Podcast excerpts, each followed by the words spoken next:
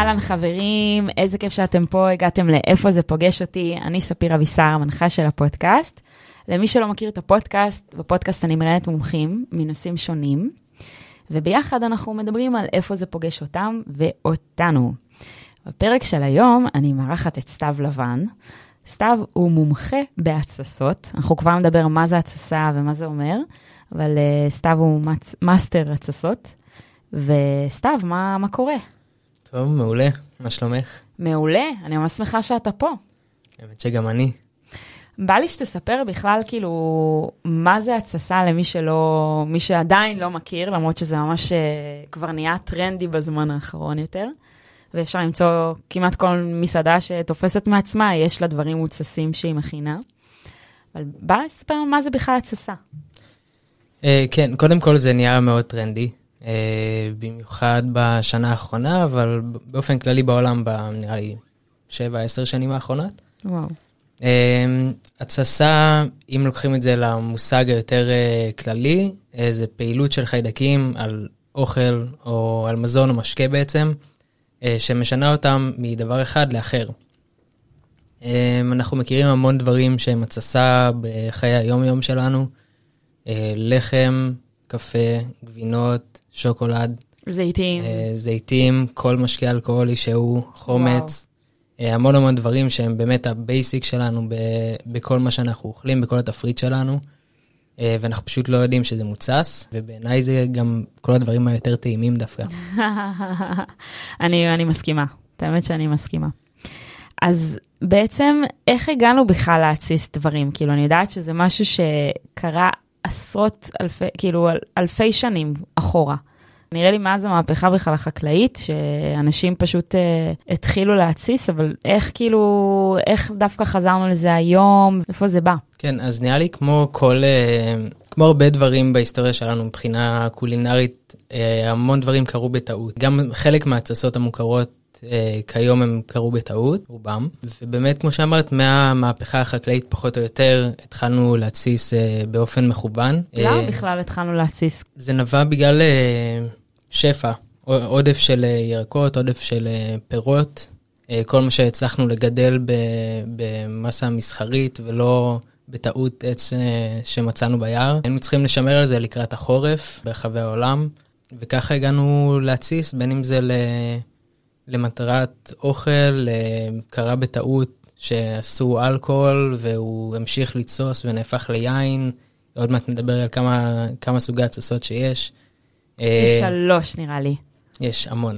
כן? כן. וואי, אני מכירה כזה שלוש שכזה כולם מדברים עליהם, אוקיי, אבל אני לא עושה ספוילר לזה, אנחנו נדבר על זה, אני כותבת לעצמי. חוץ מזה התחלנו uh, לגדל uh, בקר וצאן אה, לגבינות וגם לבשר. אז גם בשני, ה, בשני התחומים האלה היו צריכים לעשות משהו כדי לשמר את כל, כל התבואה. תכלס, אה, כאילו גבינות עם עובש, זה כמו גבינות כאילו מוצסות. כן, גבינות בכללי זה מוצר מוצס, וכל הגבינות המיושנות למיניהם זה גם uh, תוצר התסה ארוך ותהליך עישון ארוך. היום עושים אותו באופן הרבה יותר מבוקר, אבל פעם זה היה פשוט שיטה לשמר על החלב, uh, חבל שייזרק. מדהים. ואיך כאילו, איך אפשר באמת לדעת אם משהו שהתססתי, הוא כאילו לא פשוט מקולקל, כי זה נראה לי גבול כזה חמקמק יכול להיות. זה גבול חמקמק, אה, במיוחד בהתחלה כשלא מבינים אה, את התהליך ומה הכוונה ואת הטעמים שאמורים להיווצר. אה, עם הזמן נראה לי זה יותר פשוט. נראה לי שכשמתחילים להתסיס, אם נתחיל לדבר קצת על סוגי התססות, אז בהתססה לקטית, שזה התססה כמו מלפון חמוץ וכרוב כבוש, זה התססה שבאופן מבוקר אנחנו שמים מלח באחוז מסוים. וזו התססה אנאירובית, זאת אומרת בלי חמצן בכלל. שזה אה, אומר שפשוט כאילו לוקחים צנצנת, אני יודעת שמעקרים אותה, שזה אומר כאילו שמחטאים אותה במים אה, רותחים, ואז פשוט שמים את החומר גלם שאנחנו רוצים, ובלי כאילו, איך, איך דואגים לזה שזה לא יהיה עם אה, חמצן? פשוט בקטע. של סגירה, או פשוט למלא נוזל, כאילו שזה יהיה... אה, גם וגם, מה, מה שבא קודם, אם מילינו חצי צנצנת, לשים עליה משהו כדי שבעצם יטביע את כל ה... אם זה מלפפון, שיטביע אותו בתוך הנוזלים, בתוך המים. אה, אם זה פרי שאנחנו מטיסים אותו עם הנוזלים של עצמו, אז גם זה משהו ש, שיגע בו כדי שהוא ישקע. אה, ככה אנחנו יוצאים את הסביבה האנאירובית. ובמקרה יצא שגם החיידקים הלקטיים הם עמידים במלח באחוז מסוים, mm-hmm. בסביבות עד 7-8 אחוזים, ולכן אנחנו יכולים לשים מלח והם עדיין ישרדו, אבל כל מיני חיידקים שיכולים לפגוע בנו לא ישרדו. אז זה בעצם התססה לקטית. כן.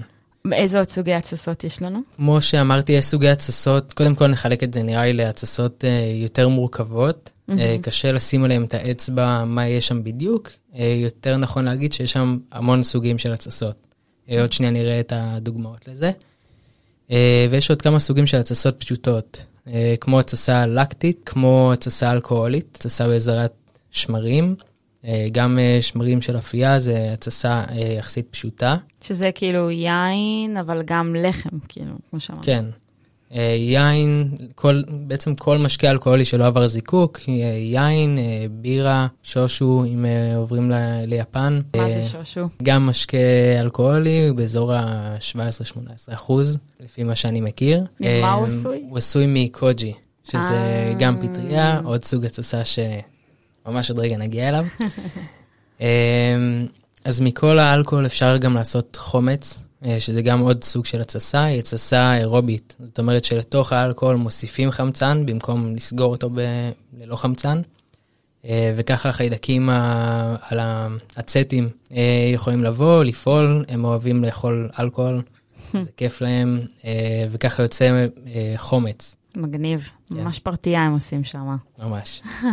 ויש עוד סוג של הצצה? כן, אה, יש, בעיקרון יש אה, מאות סוגים של הצצות. אם הולכים לכיוון ההצצות הקצת יותר אה, מסורתיות, יש קבס ויש טפאצ'ה, יש עוד המון המון דברים, אני לא אגע בכולם, אני אנסה לגעת קצת יותר ב... במיינסטרים. כן, ב...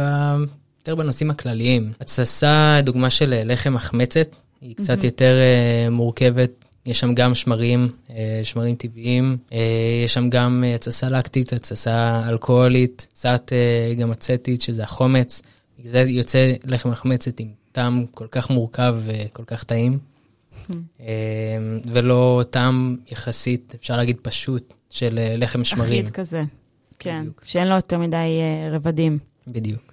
מגניב. יש הבדל בין החמצה להתססה? כן, החמצה זה שיטת שימור, שתיהן שיטות שימור, אה, כמו שדיברנו. אה, החמצה זה שיטת שימור בעזרת חומץ. בעצם mm-hmm. משתמשים ב-pH נמוך, מאוד מאוד חומצי, כדי לשמר את, ה, את מה שאנחנו רוצים לשמר. בעצם לוקחים עגבניות, או מלפפון, או כל ירק אחר, שמים עליו חומץ בכמות מסוימת, תבלינים, לפעמים סוכר, וזה מה ששומר עליו מלהתקלקל.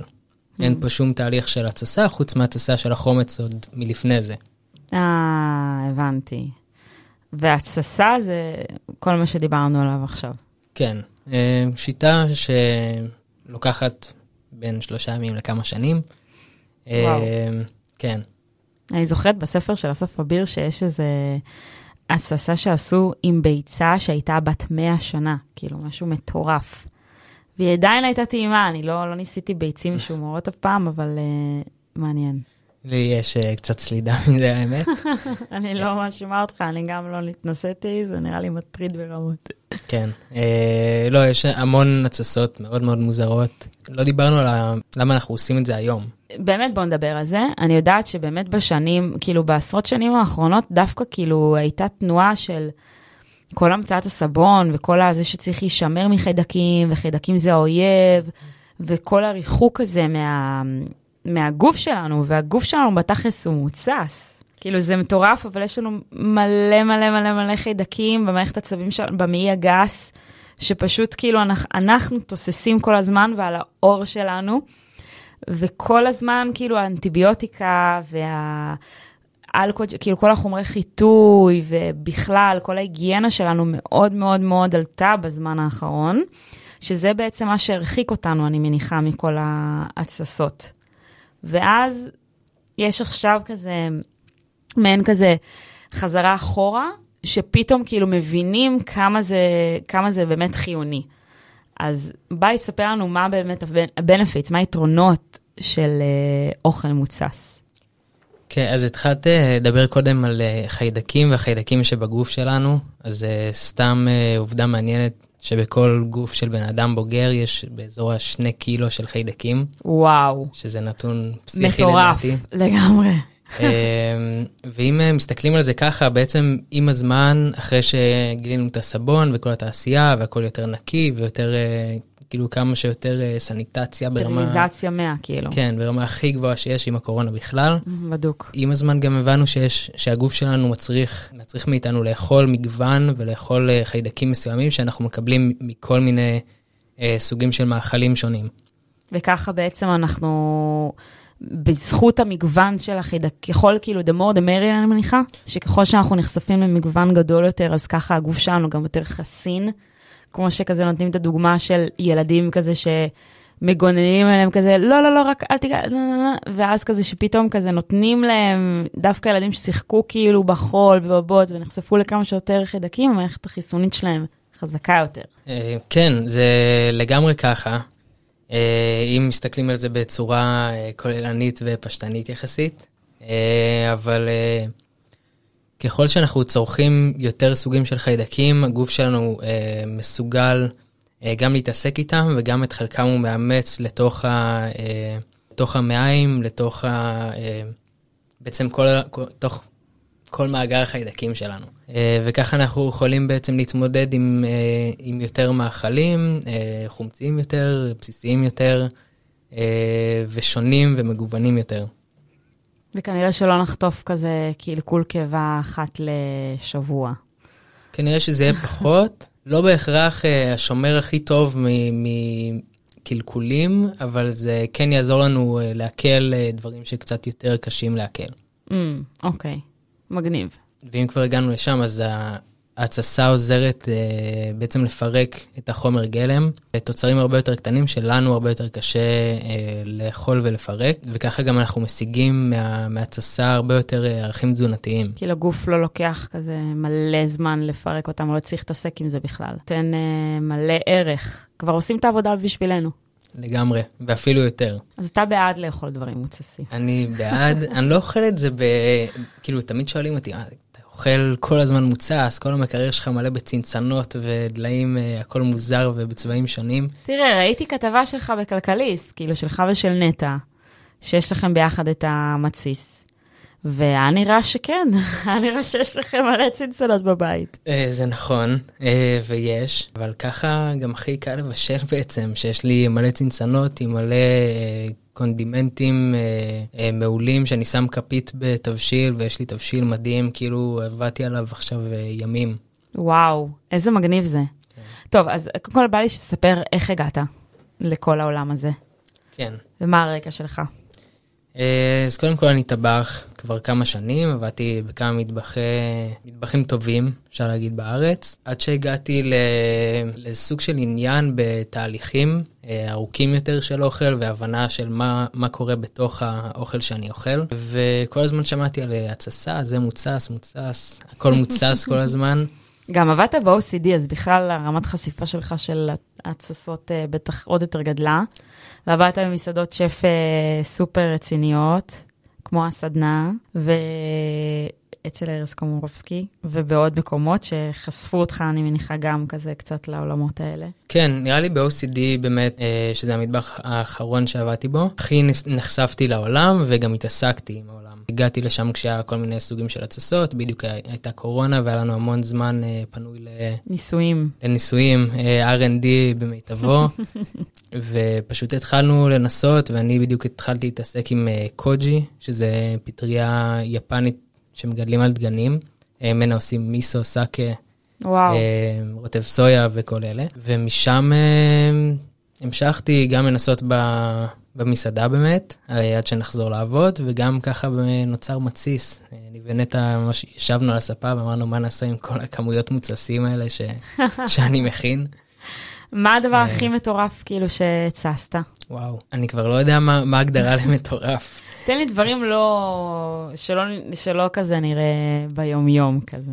אה, אני לא יודע אם זה הכי מטורף, אבל אה, לדעתי באופן כללי עולם הקוג'י הוא הכי מעניין בעיניי, הכי מגוון, הוא פתרון להמון המון בעיות שקיימות גם במסעדות, גם בבתים ביתיים.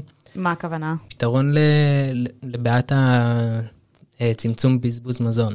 בעצם למה? אני, אני כבר אגיע לזה, קודם כל רציתי להגיד לגבי ההטסה המשוגעת, לא יודע אם זה כזה משוגע, עשיתי מיסו של פופקורן, עשיתי כמות, מה?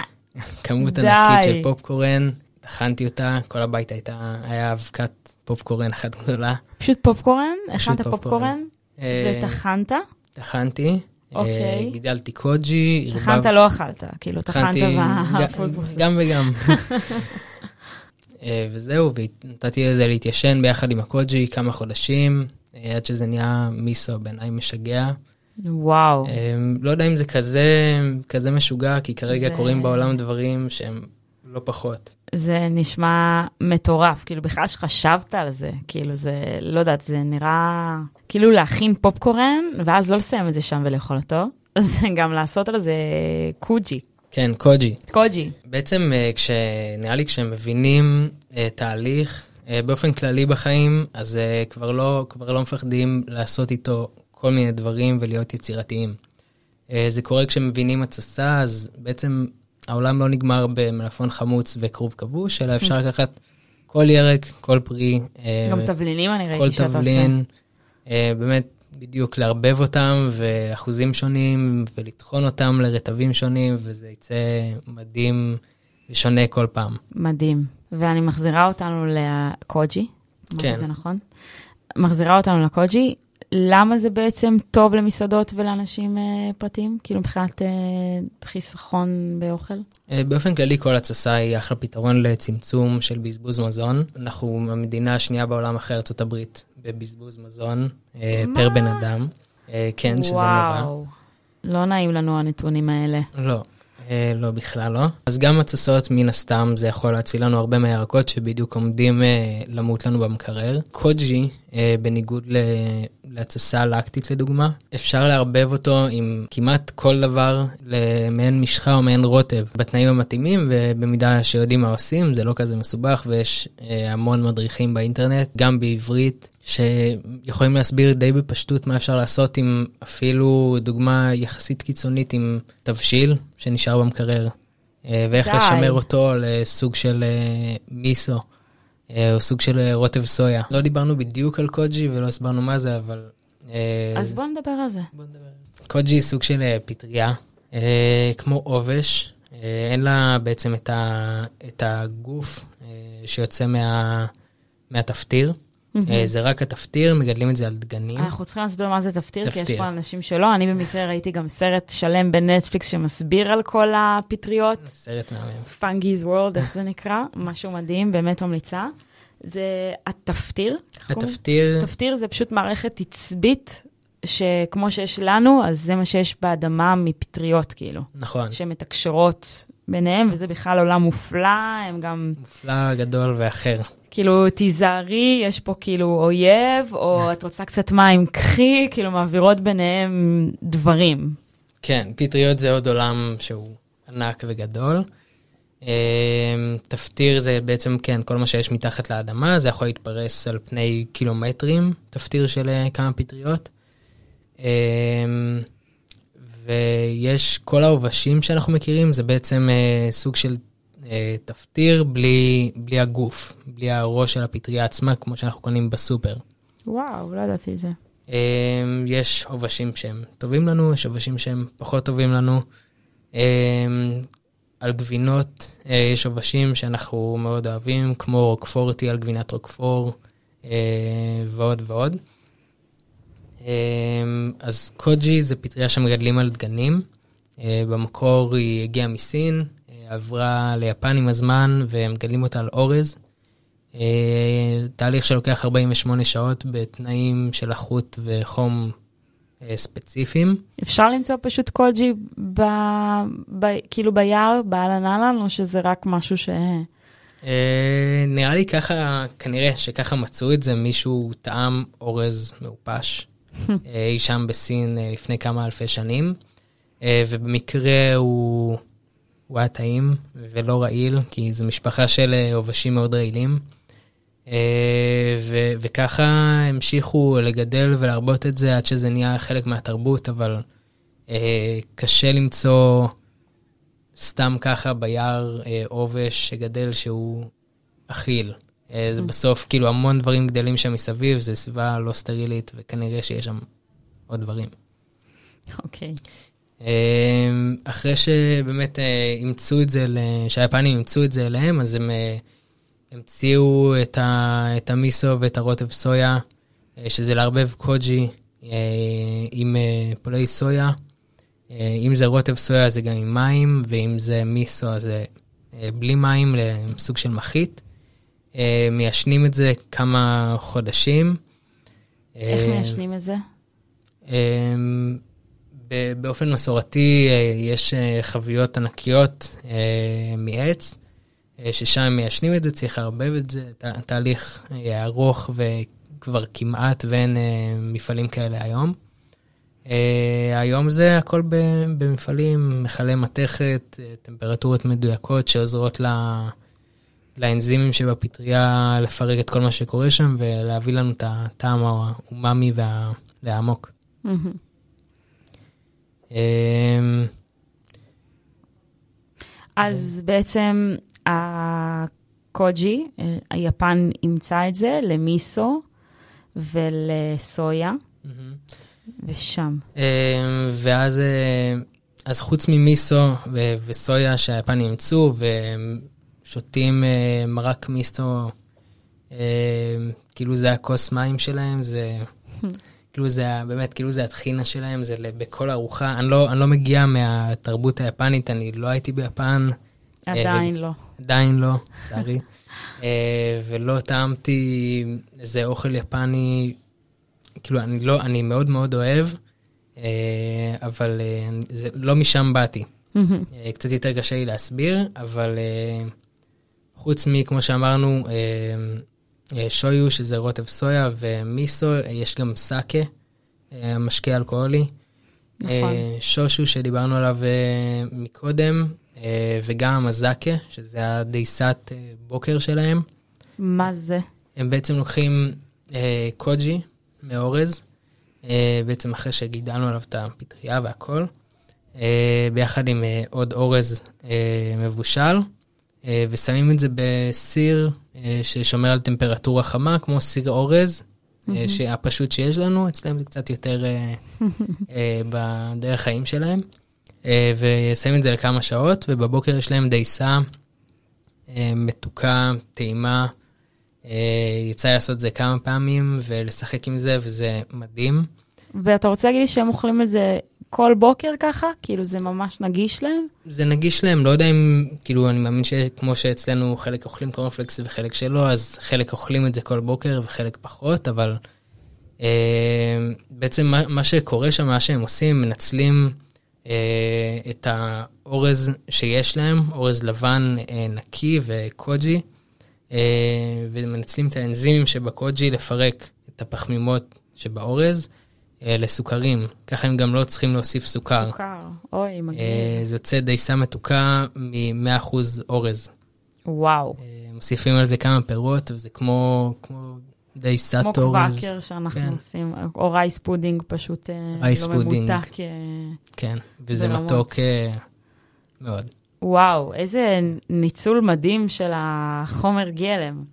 כי כן. אתה כאילו אפילו גם לא צריך להוסיף סוכר. יש את הסוכר הטבעי שבאורז שממילא היינו מקבלים, פשוט לא בצורה מתוקה, וככה ככה מגיעים למוצר מהמם עם הבנה בסיסית של אה, מה שקורה שם בתוך ההתססה. ועכשיו, מה אתה נגיד יכול להגיד למישהו שאין לו כל קשר להתססות ורוצה נגיד להתחיל להתסיס? קודם כל, לא לפחד. אה, זה לא, זה לא כזה מסובך, אה, הייתי מתחיל מ- יותר מהתססה לקטית, אלא אם כן מעניין יותר כיוון האלכוהול, ואז ללכת לבירה או יין, אה, ומשם גם לחומץ. לפעמים זה בלתי נמנע ופשוט מתקלקל, היין. לקטית זה אומר עם המלח? כן, עם המלח. אפשר לקרוא לזה חמוצים. יש, מדריך נפלא של אה, פתיתים, הבלוג אה, Mm. פתיתים של גל אה, מליה, שהוא כתב שם במפורט יותר מכל בן אדם שראיתי, אה, איך מתסיסים, אה, מה הדגשים, כל מיני מתכונים שהוא שם, אה, נורא נורא פשוט, אה, חינמי, אפשר לגשת לזה תמיד. אני אה. אוסיף את זה גם קישור לזה. מעולה. ותמיד אפשר אה, גם אה, לשאול אותנו, אה, אבל יש באמת המון המון המון מידע באינטרנט, וברגע שמבינים את הקונספט ומה הדגשים החשובים, אז משם זה כבר לא מתכון, זה, אתה פשוט פותח את מה שיש לך במקרר ומתסיס מה שבא לך. תן לנו כזה דגשים חשובים שכזה חשוב באמת להכיר. אה, קודם כל ניקיון. אה, אמרתי קור, לא, דווקא בהתססה לקטית לא חייבים לעקר, כן כדאי שיהיה מאוד מאוד נקי. אה, מים וסבון, אה, לנגב טוב, אה, בדרך כלל זה מספיק. אה, חשוב להבין את החומר גלם, אם הוא צריך מים, הוא צריך הרבה מלח, מעט מלח, אה, כדי שיצא טעים בעיקר. אה, והדבר האחרון והכי חשוב זה החוסר בחמצן. אה, כאן אפשר הכי, הכי הרבה ליפול, גם מבחינת אחרי ששמנו את כל המים והכל יחסית שקע וזה נראה לנו בסדר וסגרנו, אה, אז אחרי יום-יומיים תתחיל ההתססה וייווצר מלא CO2 אה, והכל יתחיל לצוף בגלל כל הגזים. אה, ואז כשהמלפפון יצא החוצה מהמים, אז יתחיל להיות עליו עובש. שם זה יכול להתקלקל. אז אנחנו צריכים להקפיד תמיד, כאילו שזה לא יהיה, אה, כאילו אפס אחוז, אפס חמצן, כאילו שלא אפס יהיה מקום. בכלל. אה, אה, פתרון אה, אה, די פשוט לזה, זה פשוט לשים אה, משהו שיטביע את הירק או הפרי שלנו. כמו מה אה, נגיד? זה יכול להיות באמת כל דבר שיש בבית, בין אם זה צלוחית קטנה, בכרוב כבוש תמיד שמים עלה שלם של כרוב שידחוס את הכל, וגם אם גודל עליו עובש, אפשר פשוט Mm, אה, לקפל כאילו אותו שכבת החוצה. הגנה כזאת שתהיה. בדיוק.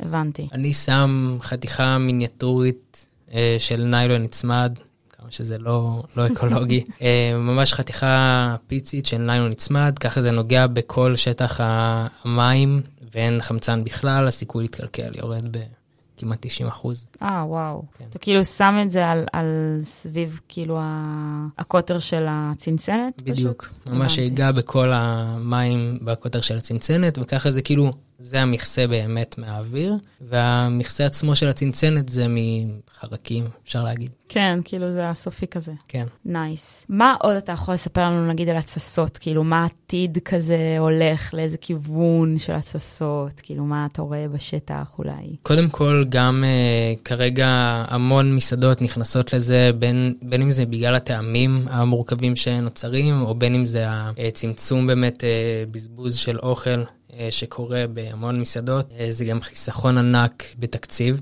uh, שהולך על כל הקילופים וכל ה... כל, בעצם כל ה-waste שיש למסעדה. OCD עכשיו אה, מסעדה אה, של, אה, שמכוונים ל-Zero Waste, כל עולם הקולינריה העכשווי, כאילו, יש ממש מטבחים של אה, אה, מחקר ופיתוח. וואו, אה, מדהים. כן. אה, וגם אה, יש ממש בלונדון מסעדה שהיא Zero Waste, אין לה פחים, לצורך העניין, שממש עושים את כל התהליך מההתחלה עד הסוף, שלא יהיה שום בזבוז של שום דבר, אה, חוץ מאם מישהו לא סיים את האוכל מהצלחת. אתה יודע איך קוראים למסעדה הזאתי בלונדון? כן, סיילו, סיילו. נייס. כן. אה, וזה עכשיו אה, קורה בעוד מסעדות, בין אם זה במשיה, שגיא אריש אה, עושה שם דברים מטורפים עם התססות, ובאופה, ששיראל אה, עושה גם דברים שפוצצים את המוח. זה קורה, זה קורה בכל מקום, בארץ ובעולם בכלל. המון המון פרויקטים שאם הולכים יותר גדול ממסעדות, אז זה קמבוצ'ה, שזה גם סוג של התססה, משקה פרוביוטי כזה. אז מהפטריה שנוצרת שם, הצליחו לייצר אה, מעין אה, חומר למדפסת תלת מימד, מה? אה, שאחרי, נורא קל לגדל את זה ונורא קל להרבות את זה, וואו, איזה מגניב. וברגע שמדפיסים את זה ומייבשים את זה, זה כמו, זה מתנהג כמו אור. די. זה בעצם תחליף ל, לעור, vegan one. vegan one. וואו, nice. אה, כן, שנורא נורא פשוט וקל לייצר וקל לשלוט בו. וואו. אמ, עכשיו בעזרת התססה הצליחו לייצר אה, שוקולד ללא פולי קקאו בכלל, וואי, ואנחנו במצוקת פה לקקאו בזמן האחרון. נכון? ועם כל, ה, כל איך- התהליך שקורה. איך כאילו, איך... אה, זה עדיין בשלבי פיתוח, אבל אה, אומרים שזה הולך להיות הדבר הבא, וואי, רק שיציעו לזה למקלות וניל, ואנחנו מסודרים. לגמרי. וואי, יש כל כך הרבה דברים מדהימים בהתססה, ונראה לי אנשים פשוט לא מכירים את זה. זה לא, עדיין לא מספיק אה, נגיש, כאילו, והרבה מהדברים המוצסים שאנחנו קונים בסופר, זה פשוט לא, לא, לא מרגיש לי שזה באמת האיכות הכי, הכי כאילו אופטימלית לעשות את הדברים האלה בצורה טובה. אה, כן, בארץ זה בעייתי. אה, משרד הבריאות לא, לא מאוד מאשר מוצרים מוצסים לא מפוסטרים, שמבחינת בריאות זה מאבד את הפואנטה לגמרי, וגם מבחינת הטעם. אה, אז נשארנו עם, אה, שוב עם אה, שימורי, שימורי מדף אה, קלאסיים, אה, או להכין בעצמנו. זהו, אה, זה פשוט פחות... אה, כי יש טעם אומאמי כזה, שדרך התססות שעושים, אה, שיותר אה, פרטיות, ולא עכשיו שזה כן. בקטע תעשייתי. כן, יש טעמים שהם באמת, שאי אפשר להשיג אותם בתעשייה. כי בתעשייה מפסטרים ודואגים שיהיה כל מיני חומרים ש, שישמרו על זה, וזה עובר עוד המון המון תהליכים וסטריליזציה שאמרנו, uh, עד, ש, עד שכבר אין את הטעם המיוחד שהיה בהתחלה. מדהים. אז אתה ונטע, עכשיו אתם, יש לכם את המתסיס, ואיפה אפשר לפגוש אתכם? אנחנו פעילים בעיקר באינסטגרם, אה, גם בפייסבוק. גם משם אפשר לפנות אה, אה, אלינו באופן פרטני, לטלפונים שלנו. אתם מעבירים גם. סדנאות. אה, אנחנו מעבירים אה, גם סדנאות מדי. פעם. מגניב. אה, כשיש זמן. בעתיד נקווה באמת שיותר. אני מעביר גם הרצאות אה, מקוונות. אה, אם אפשר, אם עוקבים אחרי האינסטגרם שלנו, אפשר לדעת אה, איפה ומתי. אה. וחוץ מזה אפשר אה, אה, דרך הוואטסאפ, הזמנות שלנו, לראות מה ניתן לרכוש, מה זמין, מה יוצא חדש. תפריט משתנה. בדיוק. סתיו, תודה רבה רבה. תודה לך, המתסיס. שלנו. וחברים, אם מצאתם ערך בפודקאסט הזה, ואתם מכירים מישהו שרוצה להתחיל להתסיס, או מישהו שלא מכיר את העולם הזה, תביאו אותו לפרק הזה. תודה רבה, סתיו, ותודה רבה שהייתם איתנו.